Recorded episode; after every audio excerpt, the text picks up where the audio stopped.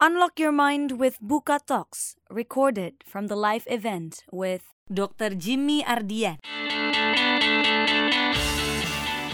Bukan kesedihannya yang masalah. Apa yang kita maknai dalam kesedihan itu, itu masalahnya.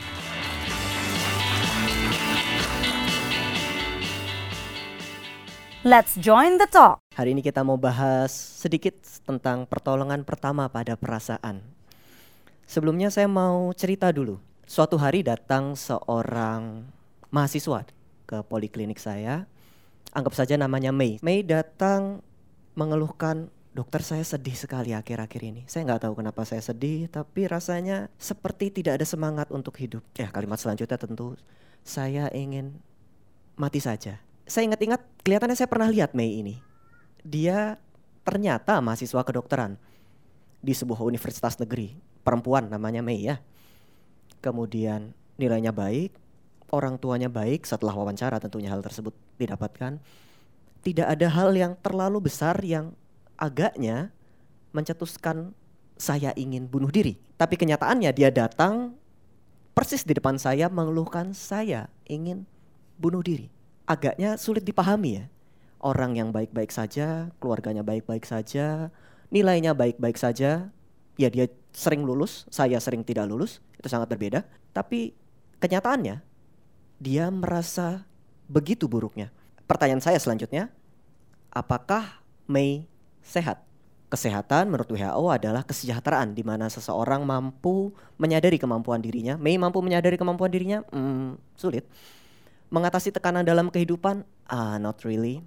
Bekerja secara produktif? Mungkin masih.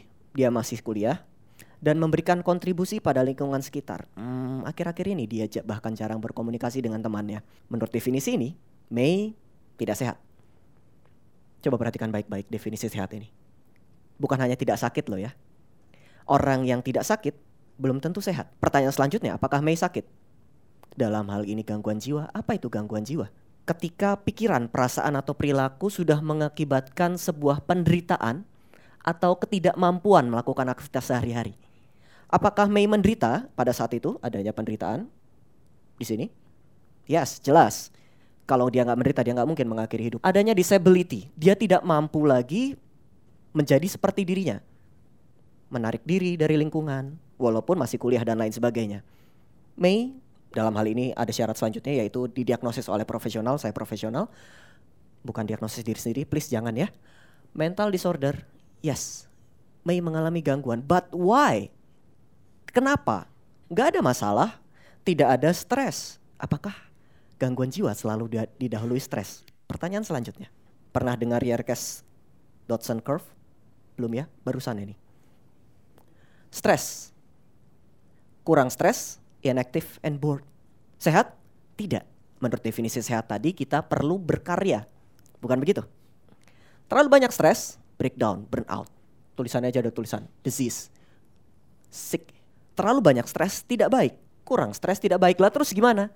Yang sedang-sedang saja kata lagu ya. Di sini peak performance seseorang. Tapi stres yang dialami oleh Mei itu sama, sama-sama kuliah, tidak ada yang berbeda. Dia tetap kuliah, dia tetap melakukan aktivitas sehari-hari, tapi kenapa responnya bisa berbeda? Kenapa stres yang sama kemudian bisa bereaksi berbeda pada tiap orang? Kenapa stres yang sama bisa membuat bahkan orang yang sama berespon berbeda di waktu yang berbeda? Ini jawabannya. Ada banyak tentu jawaban, tapi ini salah satu model yang termudah yang akan kita bahas hari ini. Ternyata stres bukan satu-satunya alasan seseorang mengalami gangguan. Yang di hijau kita bisa lihat di sini predisposition. Martin Seligman pernah membuat sebuah penelitian tentang apa saja faktor-faktor yang bisa membuat kita bahagia atau tidak. Faktor-faktor luar stres, kehidupan, masalah dan lain sebagainya berperan berapa persen kira-kira? 10 persen. Kejadian hanya mengakibatkan efek sekitar 10 persen pada kebahagiaan seseorang. 50 persennya apa? 50 persennya sayangnya kita terlahir untuk itu. Genetik memberikan dampak sangat besar untuk kebahagiaan Yes, Anda tidak salah dengar. Anda terlahir bahagia atau tidak, itu ada nasibnya sayangnya. Nah nasib itu bisa dirubah, kita tidak bisa mengubah yang 50%. Kan nggak mungkin juga 50% itu hasilnya uh, tidak bahagia semua kan nggak mungkin. ada bagian-bagian yang memang akan mempengaruhi itu. Apa sisa 40 persennya?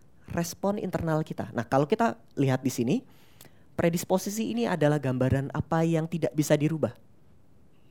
Kondisi biologi seseorang berubah, hormon seseorang berubah, kondisi ketika menerima stresor, iya, stres bukan hanya pada pikiran, tapi pada tubuh. Kalau lagi stres badan nggak enakan ya, betul? Iya. Kalau badan lagi nggak enak, pikiran jadi stres. Tubuh dan pikiran itu saling terpengaruh satu sama lain.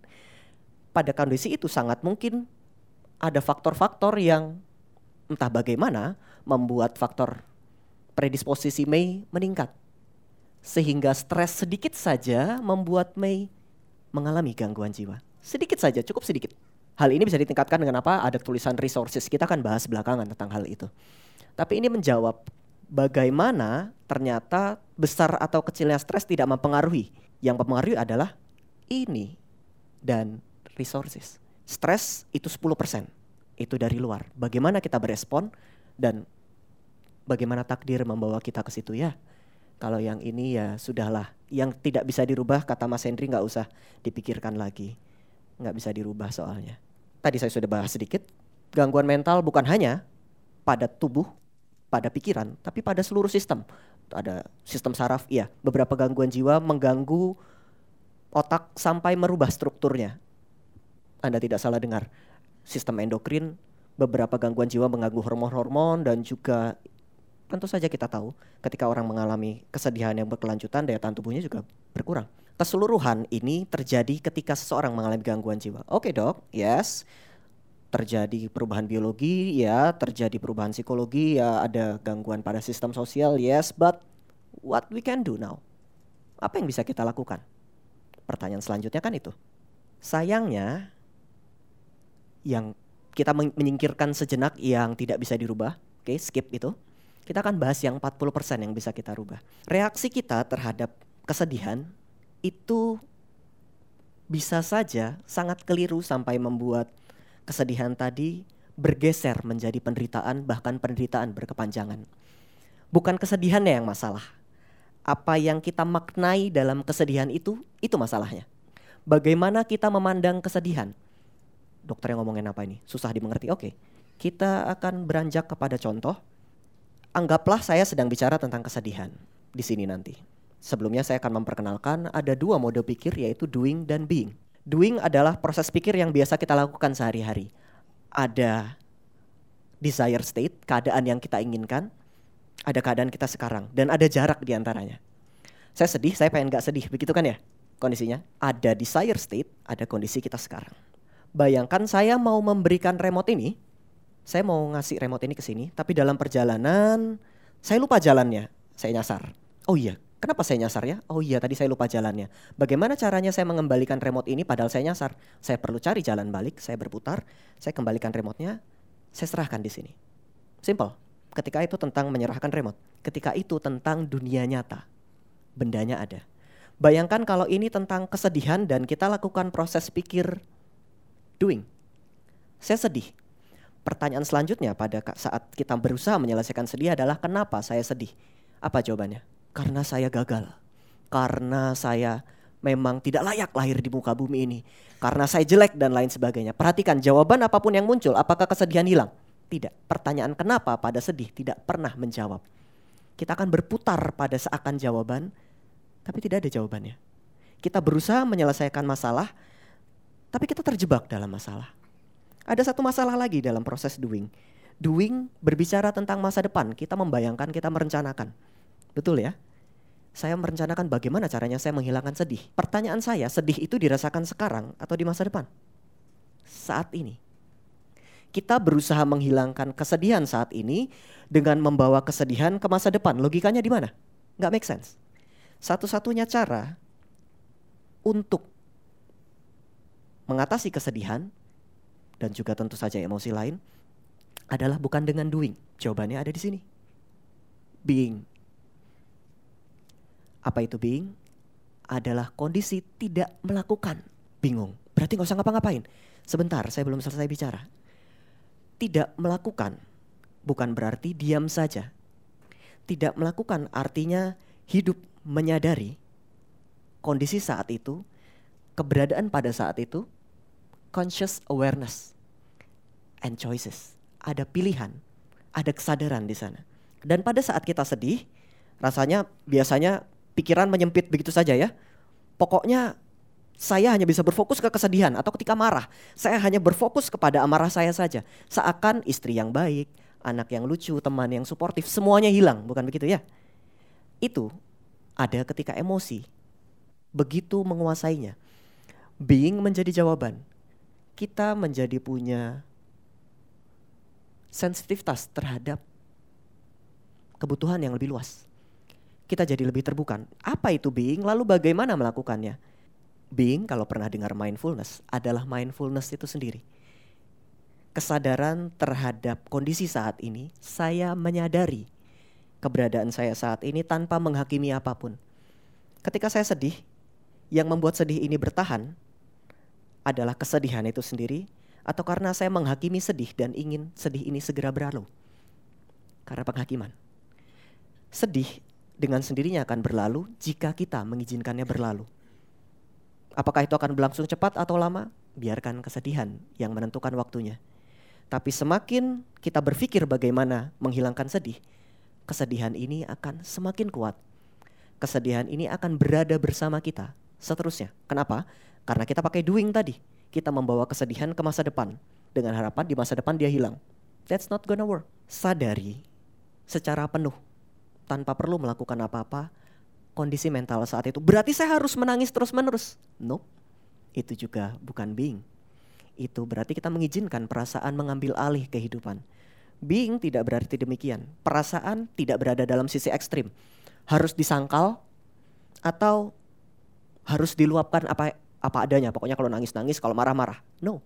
Kedua sisi ini membawa masalah masing-masing. Jawaban selalu ada di tengah. Tidak menyangkal, saya menyadari dan menerima tidak pula berteriak dan menangis. Saya bertanggung jawab atas emosi saya.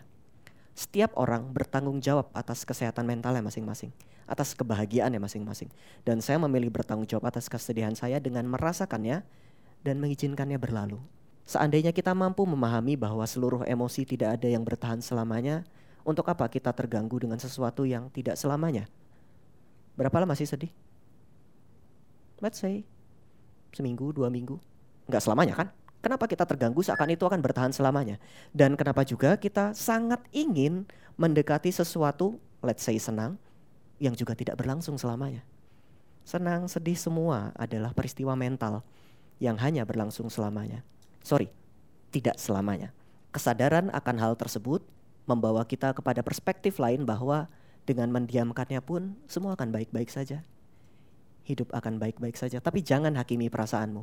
Tidak ada perasaan yang buruk, tidak ada perasaan yang baik. Berarti tidak melakukan apa-apa. Stop.